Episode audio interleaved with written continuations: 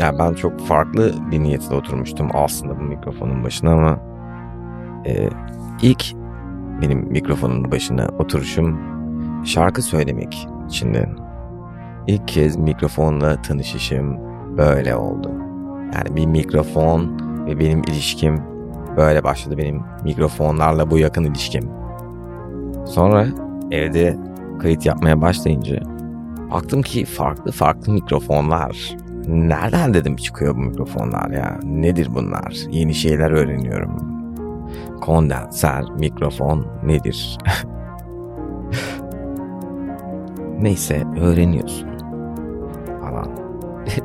diyorsun ki mesela müşterine sen de öğrenmişsin artık diyorsun ki kondenser al kondenser. Halbuki böyle mesela bir tane kadına kondenser mikrofonu aldırdım ve kondenser mikrofonun olayı dinamik bir mikrofona göre ortamın sesini çok fazla alması ve yani böyle yalıtılmış bir stüdyoda olmadığın sürece her boku alır yani o mikrofonun sesi. O yüzden podcast yapan bir insanın dinamik bir mikrofon kullanması gerek. Ben ama bunu bilmiyordum ve gidip kadına e, bir kondenser mikrofon aldırdım. Hmm diyorsun. Sonra bir gün konuşurken kadın dedi ki her dedi sesi alıyor bu. En ufak çıtırtıyı bile alıyor falan böyle şikayet etti. ben orada anladım bir hata yaptığımı. E abla o kadar ucuza işçi çalıştırmaya çalışırsan götünde patlar kondenser mikrofon böyle.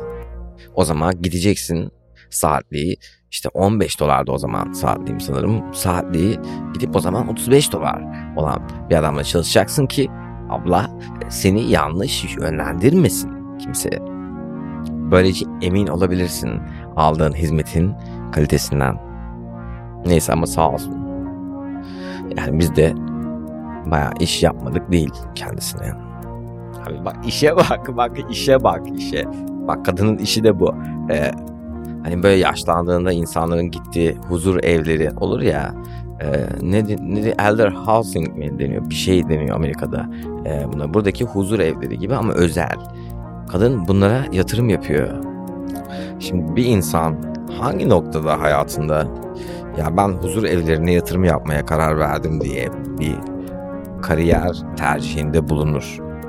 Yani yatırım hani dediğim bağış mağış değil ha. Yatırım yapıyor yani. Ve bildiğin bir stakeholder oluyor orada. Yoksa başka bir şey mi acaba? Ee, günahını aldık Amerikalı, Tayland göçmeni ablamızın. Tayland, Tayland değil. Kore, Kore miydi? Koreli miydi ya? Neydi? Bir dakika. Vietnam. Aynen kadın Vietnam'dan göçmüş çocukken. Vietnam Savaşı'ndan sonra kaçan Vietnamlıların dan.